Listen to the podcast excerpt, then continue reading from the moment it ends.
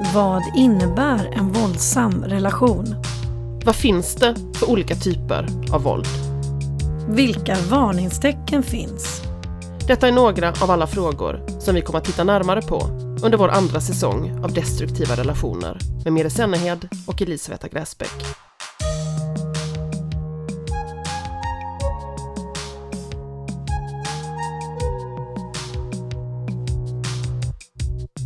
Hej alla lyssnare!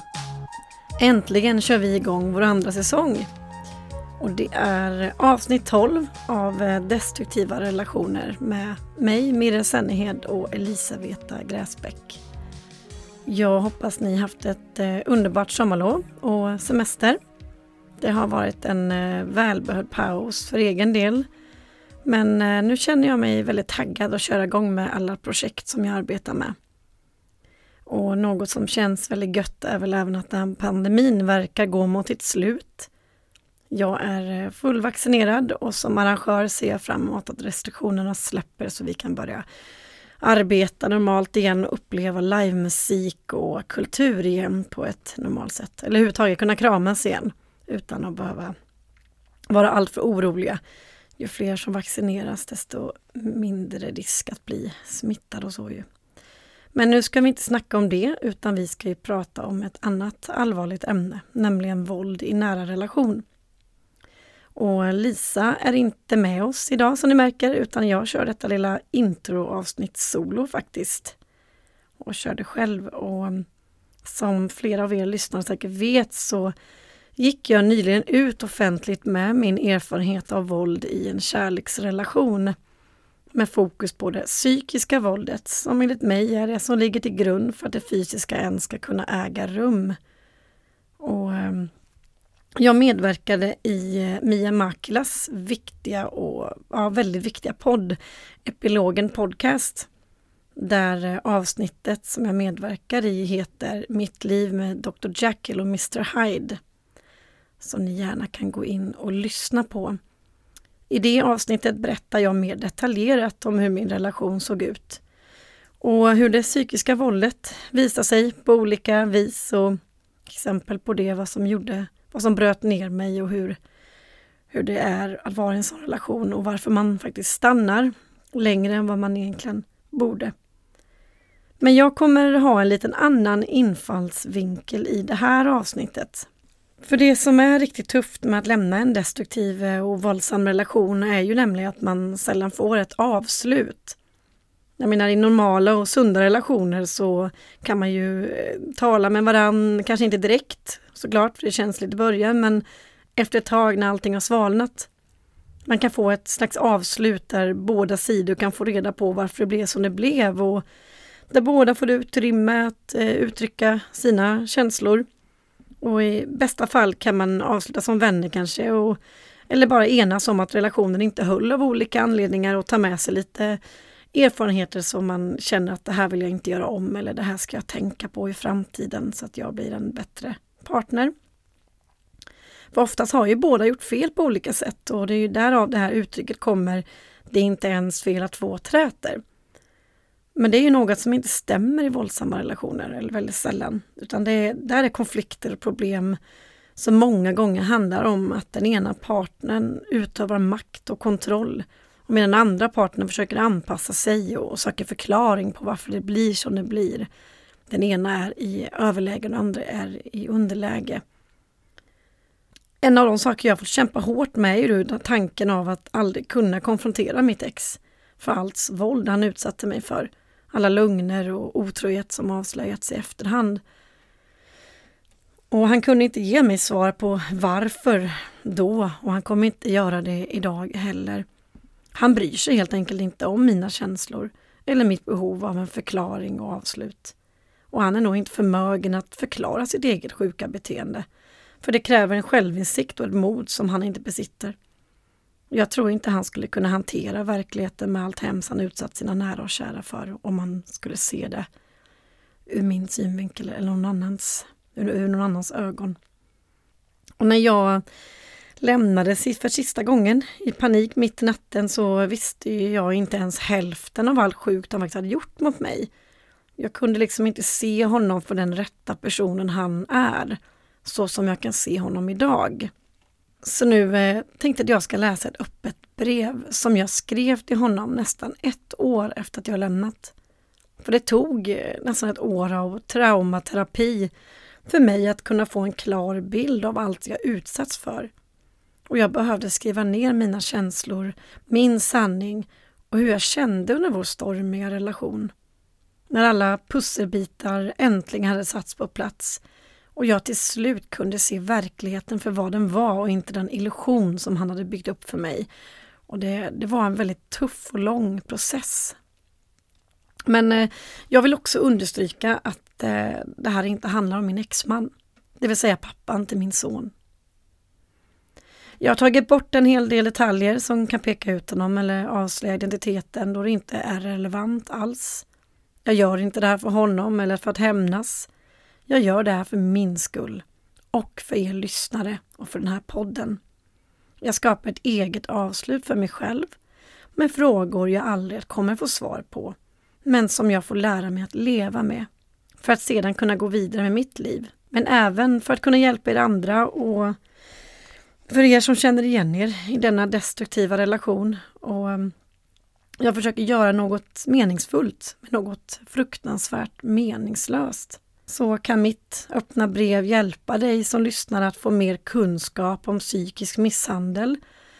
Eller hjälpa dig att ta steget att lämna en våldsam relation om du är fast i en sådan. Eller kanske söka hjälp för att bearbeta ditt trauma efteråt. Då är det här så värt det.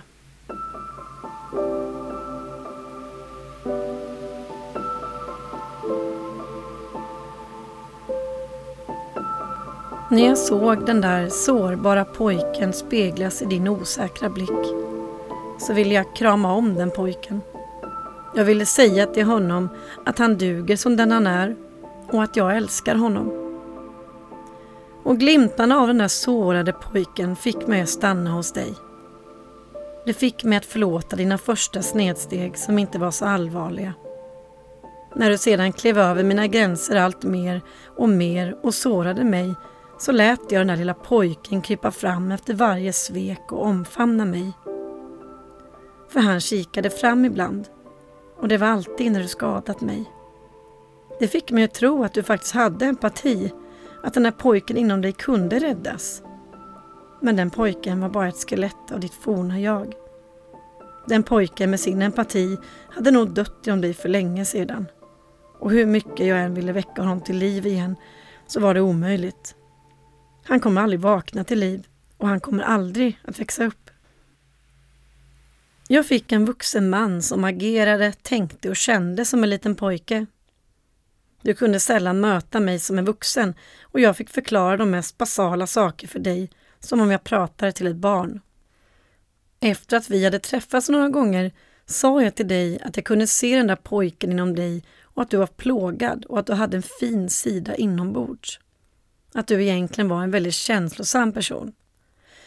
Och jag såg att du blev helt rörd och tårfylld när jag beskrev de sår jag såg att du bar på. Jag hade inte tanken då på att vi skulle bli ett par, för det fanns något i din blick som skrämde mig och gav mig dålig magkänsla. Din osäkerhet sken om dig som en bländad och svidande aura. Men ditt sköna yttre var så svår att motstå och du kunde verkligen charma mig. I början kunde vi skratta och ha långa samtal och passionen glödde om oss. Och Det var som om jag ändå kunde spegla mig i den där adhdiga och struliga pojken som speglas i din blick. Jag kunde känna din frustration och sorg, precis som jag själv hade känt den som barn. Att bli missförstådd, utstött och känna sig ensam. Du sa att vi var så lika, att jag var den första som verkligen förstod dig. Jag var den första som såg dig för den du var. Den första du kände att du kunde slappna av hos och öppna dig för. Och det lät så fint. Och jag ville verkligen tro på det. Jag ville känna mig behövd och du ville suga i dig av min värme och energi. I början och stundvis under vår relation gav du mig passion och romantik.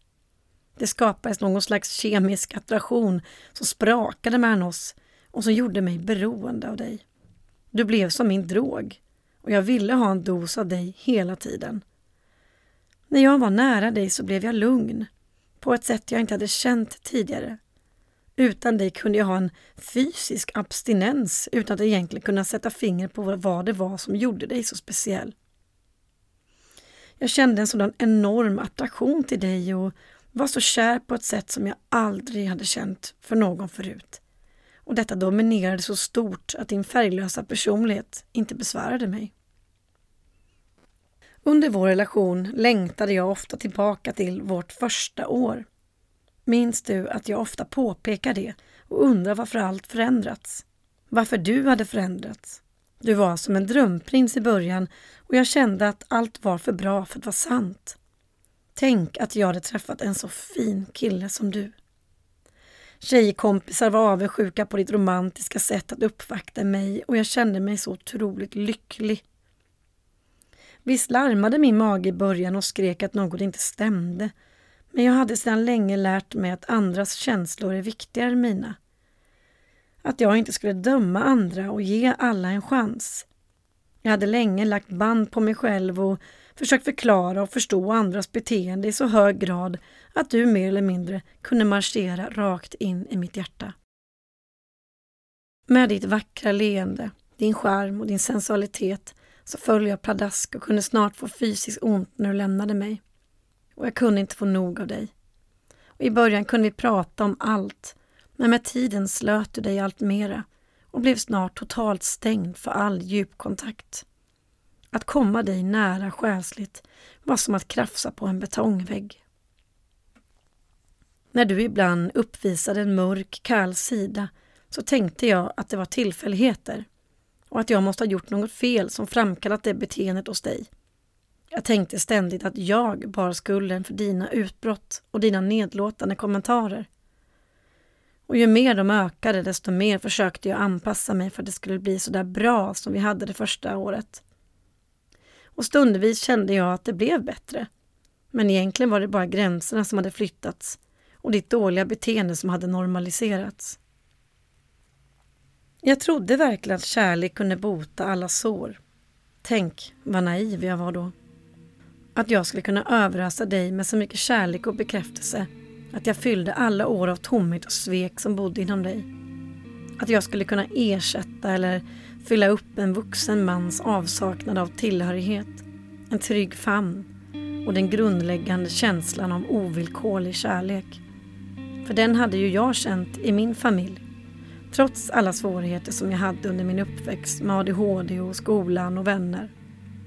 Jag hade en trygg och kärleksfull uppväxt. Jag hade känt och känner än idag det viktigaste som finns. Ovillkorlig kärlek.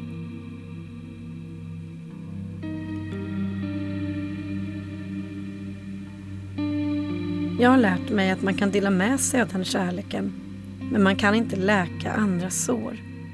Jag vet inte om du verkligen ville läka dina sår och möta dina demoner eller om du ens var förmögen att kunna se dem på riktigt. Ibland verkar du så medveten om dem för att en stund senare förneka dess existens. Kanske speglade du bara det jag ville höra och låtsades se det jag målade upp för dig. Ena stunden kändes du så närvarande och medveten medan andra stunder så fruktansvärt frånvarande kall och vilsen och omedveten. Du var som två personligheter. Din själ var kluven rakt i tur. Ena sidan var den charmiga och kärleksfulla och den andra var den kalla, hårda och dömande. Tyvärr var den senare sidan dominerande hos dig. I början tänkte jag att den hårda, mörka sidan var tillfälliga utbrott men senare insåg jag att den goda sidan hos dig var de tillfälliga utbrotten.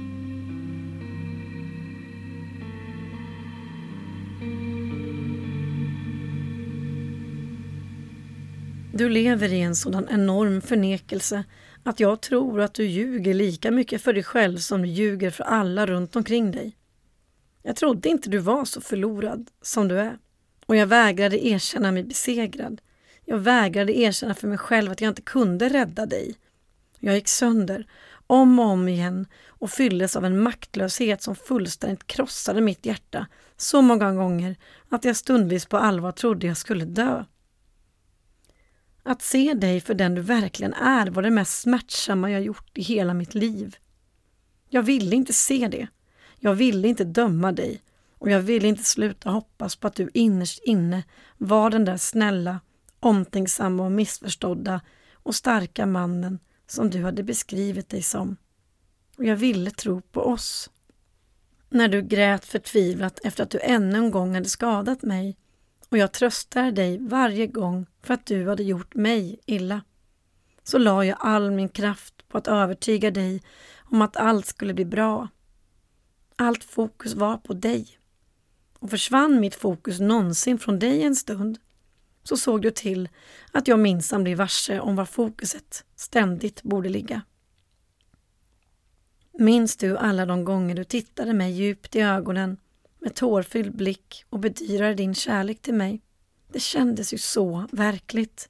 Var det bara en lögn? Fanns det något uns av kärlek i dig? Ibland känns det som att du faktiskt älskade mig.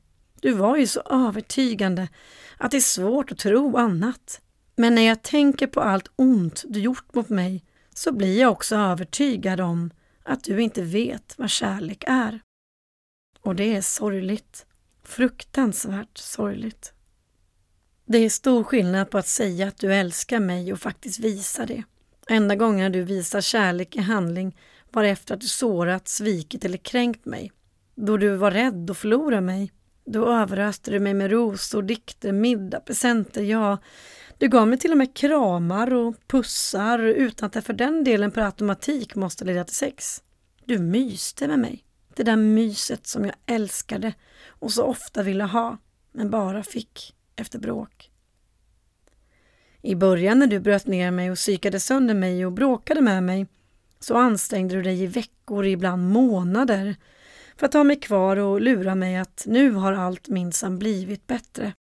Men med tiden som gick så blev du allt mer likgiltig, mindre intresserad av att möta mina behov och till slut blev du lättretad och sur. Jag minns att jag då längtade efter urladdningen så som man längtar efter åskan en kvav sommardag. För så fort åskan kommit och blixten slagit ner så kan man andas igen och solen kikar fram. Precis så var det med dig.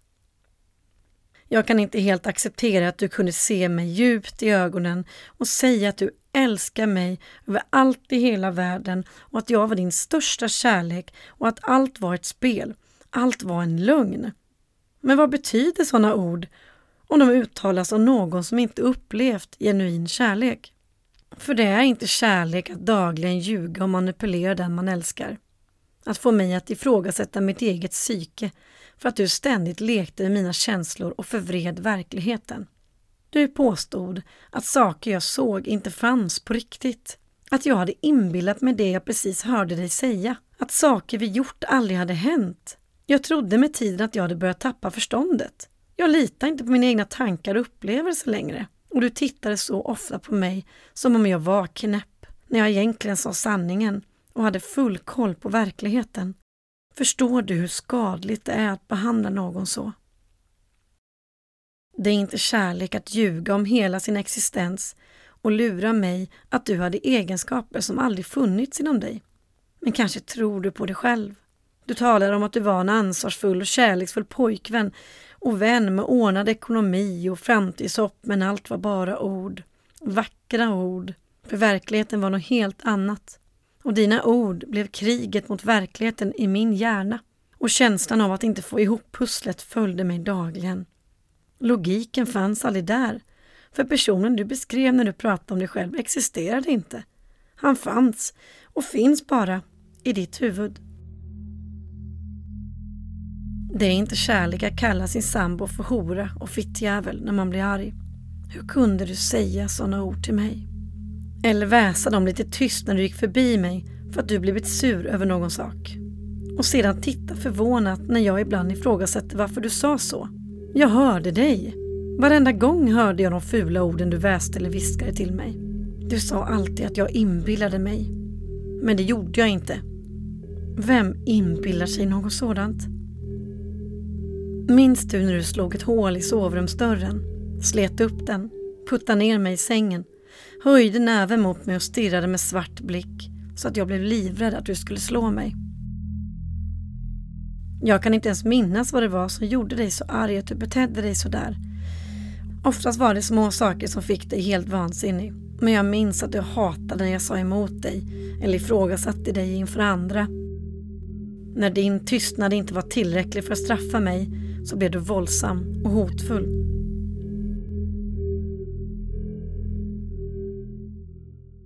Det är inte heller kärlek när du medvetet eller omedvetet förstörde viktiga stunder i mitt liv, skapade drama på middagar, event och fester och såg till att jag grät sönder mitt smink. Du kunde aldrig låta mig slappna av och verkligen njuta. Var du inte med mig på plats och såg du till att ringa och bråka eller ignorera mina samtal så att jag skulle oroa mig att något hade hänt dig. Du kämpade så länge för att få mig ur balans och till slut lyckades du. Det gjorde mig så ont att du inte ville dela min glädje utan till varje pris skulle få mig att gråta när jag var glad. Jag kunde ha ont i magen ofta när jag skulle åka hem från kontoret och jag visste att den glada känslan inom mig riskerade att tas ifrån mig. För du var alltid som gladast när jag var trött och nedstämd. Du var alltid som surast och kallast när jag var som gladast. Det var som en tävling mellan oss. En sjuk och olåglig maktkamp som jag inte alls kunde förstå mig på. Det var som att du ständigt ville dominera mig. Jag förstod aldrig hur vi skulle hamna på samma nivå.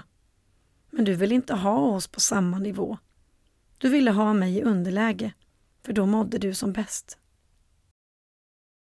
Jag hade monologer i flera år med dig. I perioder kunde du verka intresserad, men för det mesta så ummade du dig genom mina monologer och ibland gick jag från ointressant till icke-existerande under ett samtal och du kunde behandla mig som luft en längre stund tills jag blev ledsen eller arg. Då vände du snabbt och blev den glada och snälla igen. Då försökte du muntra upp mig igen. Du var alltid glad efter du skapat en klump i min mage. Du bröt ner mig, plockade upp mig, bröt ner mig och plockade upp mig igen. Jag minns tydligt en gång när du bröt ner mig totalt så jag till slut låg gråtande på hallgolvet i en panikångestattack. Då klev du över mig, visslade och gick iväg. Släckte alla lampor och gick och la dig i sängen. Du låtsades som ingenting hade hänt och lät mig ligga där på hallgolvet i mörkret. Förstår du hur sjukt det är? Enda gångerna du ville prata så var det ditt eget skryt eller hatiska saker. Om din ruttna människosyn och hur illa du tyckte om dina kollegor, dina ytliga vänner eller din familj. Ingen var bra nog och alla var dumma i huvudet. Det bekom dig inte att du sårade någon. Det fanns alltid en förklaring varför du gjorde som du gjorde och du visade total likgiltighet inför andras känslor. Jag tänkte inte lika mycket på det som jag gör idag Hur jag ständigt försökte kompensera för din kyla genom att förmedla värme och energi till dig och dina nära. Men hur mycket jag än tömde mig själv så slukar du varenda liten knista och varenda energi som ett svart hål. Och du fick aldrig nog. Jag var aldrig tillräcklig och jag gjorde sällan saker rätt. Du hade alltid åsikter om hur jag gick, klädde mig, sminkade mig, hur jag plockade in disken, vek tvätten. Du kunde till och med demonstrera hur jag skulle vika toapappret på rätt sätt. Ibland kunde jag börja gråta för att du fick mig känna mig så dum. Varför kunde du inte finnas där känslomässigt och höja mig, stötta mig och få mig att känna mig duglig och bekräftad när vi var ensamma? Du skröt massor om mig bland andra och du var mån om att minsann förklara för mig hur mycket du skröt om mig till andra. Men jag vill inte ha ditt skryt. Jag ville ha din känslomässiga närvaro, och din omtanke. Jag ville känna att du såg mig och brydde dig om mina känslor. Minns du att jag bad dig flera gånger, kan du inte göra tvärtom och vara otrevlig mot varenda jävel du träffar och charmig och snäll mot mig istället? För du kunde skärma och vara trevlig mot andra även om en hel del såg igenom din falska fasad. Men jag blev nästan svartsjuk på andra för de fick den där glada, spralliga och charmiga killen som jag blev kär i. Och jag kunde stundvis få möta honom men oftast på bekostnad av mig själv och efter konflikter. Det är inte kärlek att vara svartsjuk och kontrollera någon. Jag kunde aldrig slappna av när andra var i närheten av mig, speciellt inte män trots att jag är bisexuell. Du kunde explodera om någon man gjorde något som helst tecken på att visa intresse för mig. Du hävdade även att din svartsjuka helt grundade sig i att jag talade för nära andra män. Och jag undrade ständigt hur man skulle kunna hålla avstånd till någon när man pratar med varandra på en klubb eller konsert med hög ljudnivå. Hur du pratade med andra var däremot aldrig relevant, eller hur du ständigt flörtade och sökte kontakt med främmande kvinnor framför mig. Om jag någonsin skulle nämna det så kallade du mig bara svartsjuk och sa att jag minsann var exakt likadan som du. Du ville ständigt få det att se ut som att jag gjorde exakt likadana saker som du, att ditt och mitt beteende var lika illa. Men det som sårade mest var när du skällde ut mig för att en okänd kille hade försökt dra in mig i sitt tält på en festival. Jag hade slagit mig fri och flytt både chockad och ledsen. Jag var livrädd för att berätta för dig vad som hade hänt. Och när du väl fick veta så blev du såklart vansinnig och svartsjuk. I ditt huvud så hade jag bjudit in till det hela. Jag fick en utskällning och tomma anklagelser som sårade mig djupt. Varenda gång när jag var sårbar och behövde dig som mest så stängde du mig ute. Först skulle du alltid såra mig lite till och sedan trösta mig. Det tog lång tid efter jag lämnat dig för sista gången innan jag till slut fick mina farhågor bekräftade. Du har levt dubbelliv och inte bara med mig utan du har bedragit alla dina flickvänner. Och av någon märklig anledning så är det just otroheten som svider som mest. Jag visste ju att du ljög och att du betedde dig illa men av någon anledning trodde jag på dig när du sa att det där gick det en magisk gräns. Men jag vädjade så många gånger till dig, snälla, vad du än gör, bedra mig inte. Jag har aldrig upplevt det hur det känns att bli bedragen och jag är själv ingen otrogen person. Jag vill inte känna den smärtan som jag har sett i andras blick när de blivit svikna på det sättet. Och du blev alltid lika förtvivlad när jag vädjade till dig. För du skulle minsann aldrig vara otrogen. Aldrig. Och trots att min magkänsla larmade högt och mina ögon sa mig något helt annat så bestämde jag mig för att lita på dig. Minns du att jag ofta sa att du borde ansöka till skådespelare? För du kunde spela roller så bra. Nästan lite tragikomiskt när man tänker på det idag, eller hur? Du sökte bekräftelse i varje vrå och hur mycket du än fick av mig så blev du aldrig nöjd. Jag gav dig både mitt hjärta, min själ och min kropp. Du accepterade aldrig ett nej och jag lät dig alltid få det du ville ha. Jag nekade dig aldrig närhet och ändå sökte du närhet hos andra. Så fort du fick chansen så tog du den och jag har fått veta att du grät efter att du bedragit mig och tyckte väldigt synd om dig själv efter att du legat med mina före detta bekanta tjejkompisar och andra kvinnor. Det var ju alltid så förbannat synd om dig. Jag förstår idag varför du blev så arg om jag pratar med andra om våra problem. Du kunde bli helt vansinnig om du hörde mig nämna vår relation i något sammanhang eller om jag erkänner att jag pratat med någon om det som hänt. Det måste ändå betyda att du någonstans var medveten om hur sjukt och fel det du gjorde var. Och jag kände mig till slut så fylld av skam och skuld att jag slutade berätta för vänner vad du gjorde mot mig. Du påstår att alla par hade problem och att alla bråkade som vi gjorde men inombords kände jag att det inte kunde stämma. Men jag kunde inte berätta för andra för jag visste att någonstans att de skulle döma dig och att jag var tvungen att agera då. Jag skulle ju framstå som en idiot om jag inte lämnade dig när du inte förbättrade dig direkt. Men mitt hopp om förändring höll mig kvar och fick mig att tiga.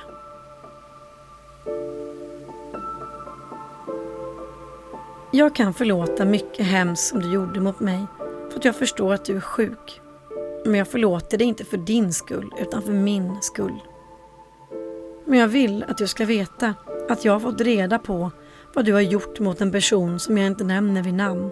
Och för det kommer jag aldrig någonsin att förlåta dig för. Det är inte kärlek att förstöra, bryta ner, ljuga, manipulera, håna och kränka den man påstår sig älska. Det spelar ingen roll hur snygg du är, hur dyra presenter du ger, hur, hur fina märkeskläder du bär, hur fina ord du än säger, hur mycket du än gråter förtvivlat och bedyrar din kärlek och din ångest. Det är inte kärlek att behandla mig på det sätt som du gjorde under dessa år. Utan det är våld, det är misshandel och det är ren egoism och ondska. Jag visste inte innan vad gaslighting och dold narcissism och mytomani faktiskt var för något. Hur det känns att utsättas för det osynliga våldet. Eller hur det känns att bli bedragen av en motoriskt otrogen man. Jag visste inte mycket om psykisk misshandel. Det där våldet som skapar sår och blåmärken i själ och hjärta. Våldet som är svårt att beskriva för de som inte upplevt det och som smyger sig på en successivt under lång tid. Jag hade själv fördomar om detta våld innan jag själv fick erfara dess effekt på det mänskliga psyket. Hur irrationellt och konstigt man kan bete sig under psykisk terror och enorm stress. Hur frustrationen kan få en att begå handlingar man aldrig skulle göra annars. Du fick mig framstå som instabil och galen i slutet. Du gjorde mig sjuk. Du bröt sakta men säkert ner mig. Flyttade på mina gränser, trampade på min självkänsla, mitt hjärta och min själ. Du frossade i min energi och min kärlek till dig och delade bara med dig med tillräckligt för att jag skulle hålla mig ovanför ytan. Tillräckligt för att din falska fasad skulle hållas vid liv. Tillräckligt för att mina ögon skulle fortsätta vara blinda inför den verklighet jag faktiskt levde i.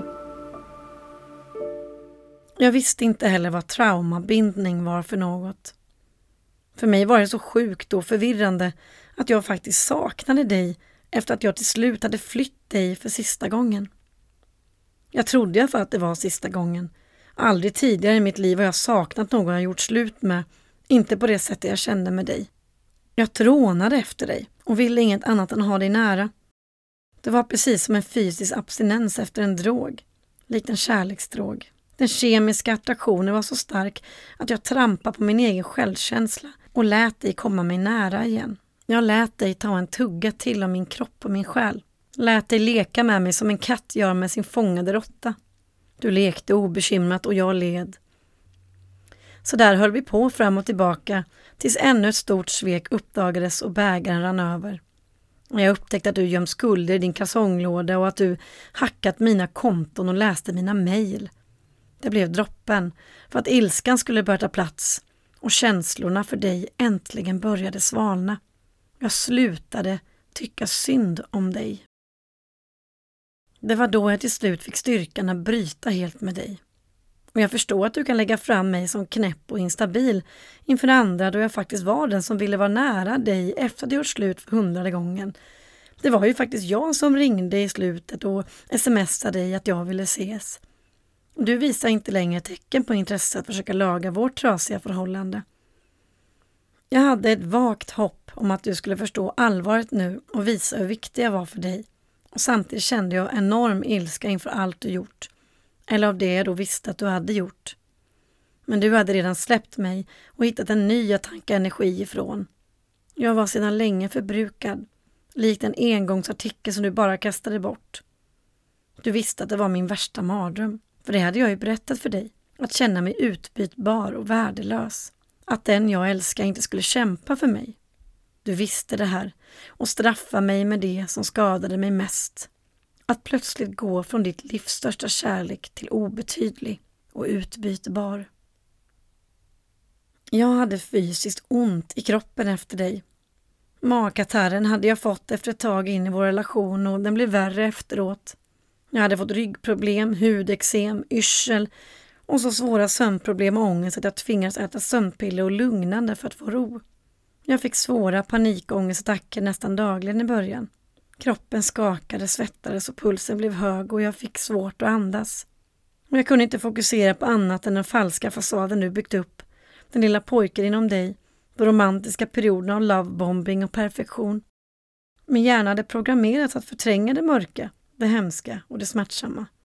Dessutom visste jag ju hur fort alla dessa besvär skulle försvinna. Bara en dos av dig och abstinensen skulle försvinna direkt. I alla fall för stunden. Det är det här som är traumabinding. Fick jag lära mig när jag till slut tog kontakt med kvinnojouren. Mitt traumatiska band till ditt våld. Det är konsekvenserna av flera år av grov psykisk misshandel, lögner och manipulation. Det finns inte ett uns av kärlek i ditt sätt att behandla mig. Vad du än säger var anledningen så finns det ingen ursäkt att göra så som du gjorde mot mig. Det finns inte två sidor av myntet i vår historia. Det finns bara din sida som styrde hela vår relation. Dina känslor, ditt mående, dina problem, dina principer, din kontroll, dina regler och ditt våld. Jag menar, tänk om vi faktiskt hade bråkat en kväll för att jag hade ballat ur, ljugit, svikit dig, bara stuckit iväg, öppet flörtat med andra eller varit påverkad av droger på din arbetsplats. Tänk om jag var den som fick vara ledsen och bli uppmuntrad och tröstad. Tänk om jag fick vara mig själv, den spralliga glada Mirre, utan att du blev hotad av det. Tack vare att du alltmer misslyckades att dölja ditt våld mot mig som ständigt pågick så började omgivningen att reagera. De såg mer än jag såg och du slutade bry dig om att visa upp den perfekta fasaden inför dem.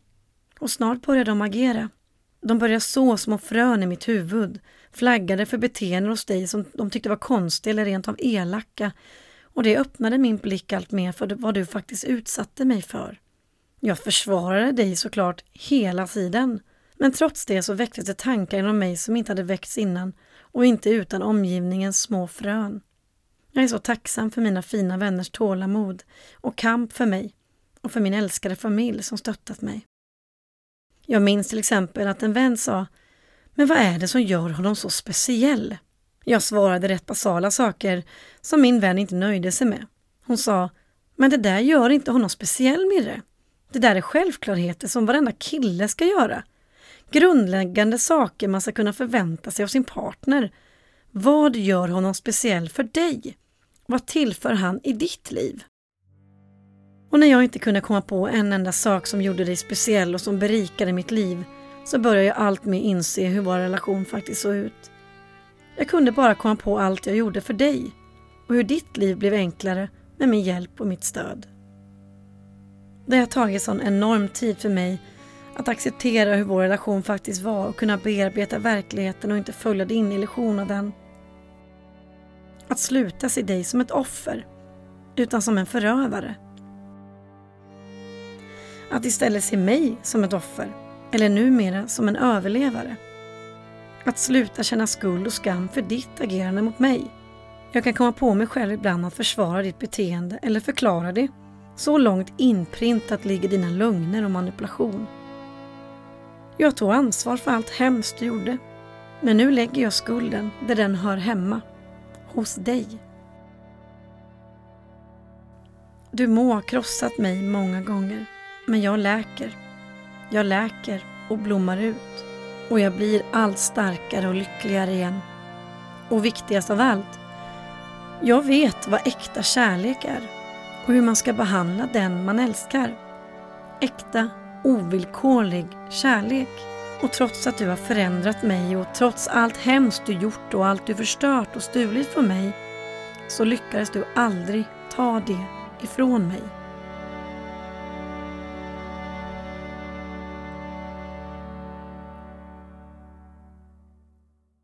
Tack för att du har lyssnat till mitt öppna brev till min förövare. Dela den gärna till dina vänner för att hjälpa oss att sprida kunskap om just våld i nära relation.